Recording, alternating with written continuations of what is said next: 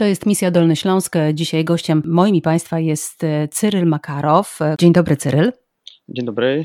Przyjechałeś e, do nas z Rosji. E, naprawdę masz na imię Kirił, tak?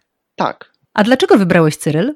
A dlatego, że to jest polski wariant napisania tego imieni, żeby po prostu ludzie mogli tego łatwiej przeczytać i, i powiedzieć i odezwać mnie. Powiedz, jak trafiłeś do Polski i kiedy przyjechałeś do Polski? A pierwszy raz przyjechałem do Polski w styczniu 2018 roku z powodu pracy, bo po prostu, żeby spróbować pracę w nowej branży.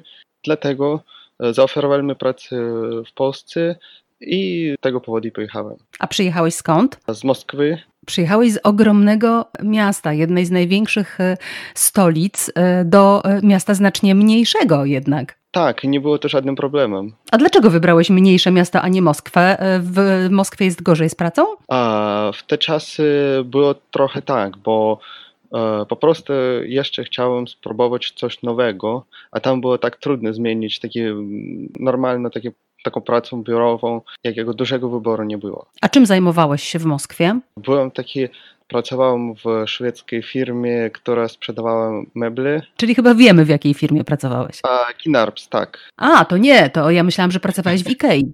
nie, nie.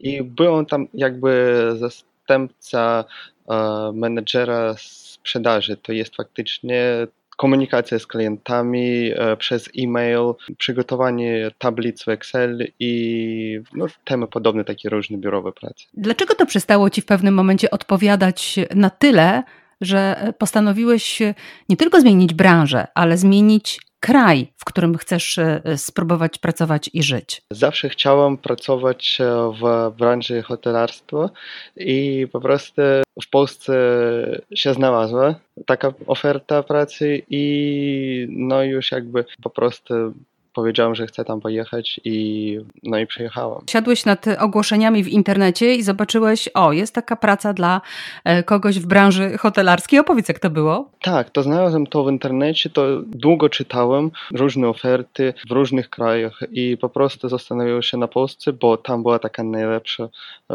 oferta. W Rosji trudno było mi na przykład się zatrudnić w branży hotelarskiej, dlatego poszedłem jakby do takiej pracy biurowej tu od razu poszedłem w taki bardzo luksusowy hotel. To mhm. też trudno się zatrudnić. E, Znałeś język polski wtedy? Nie, w ogóle. Mhm. Żadnego słowa nie znałem. No wiesz co, jeśli przyjechałeś w 2018 roku pierwszy raz do Polski, e, to jesteś tutaj od dwóch e, lat, znaczy kontakt z Polską masz od dwóch lat, a, a mówisz bardzo dobrze. Jak się uczyłeś języka polskiego? Najpierw, kiedy mi się skończyła wiza, to zdecydowałem wracać do domu, żeby po prostu nauczyć się języku polskiemu. I tam kilka miesięcy go uczyłem. I potem pojechałem na roczny kurs języka polskiego e, już we Wrocławiu, bo pierwszy raz byłem w Poznaniu. I znalazłem e, tu szkołę językową Polonus e, przy Stowarzyszeniu Wschód-Zachód.